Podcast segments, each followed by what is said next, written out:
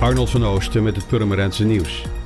Deze week staan er drie nieuwe en duurzame afvalbakken in de binnenstad. De afvalbakken, Mr. Phil genaamd, komen in de plaats van de zogeheten bubbels. De gemeente doet een proef van drie maanden. Na deze periode wordt besloten of men doorgaat met dit type afvalbak. In de nieuwe afvalbak zit een pers- en volmeter.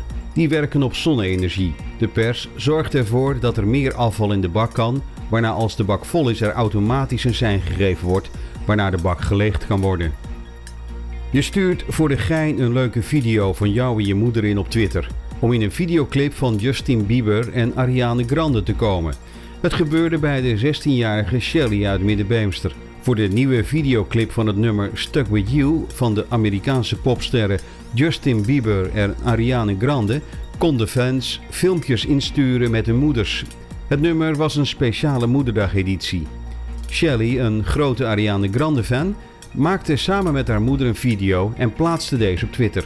We kregen opeens een privéberichtje op Twitter dat er een mogelijkheid was dat we in de videoclip voorkwamen, vertelt Shelly aan NH Nieuws. Ze hadden nooit verwacht echt in de clip voor te komen, totdat ze samen met haar moeder de clip voor de eerste keer zag. We dachten eigenlijk al dat we er niet meer in voorkwamen, totdat we bijna aan het einde van de video onszelf links in beeld zagen en schrokken. Voor meer nieuws, kijk of luister je natuurlijk naar RTV Purmerend, volg je onze socials of ga je naar rtvpurmerend.nl.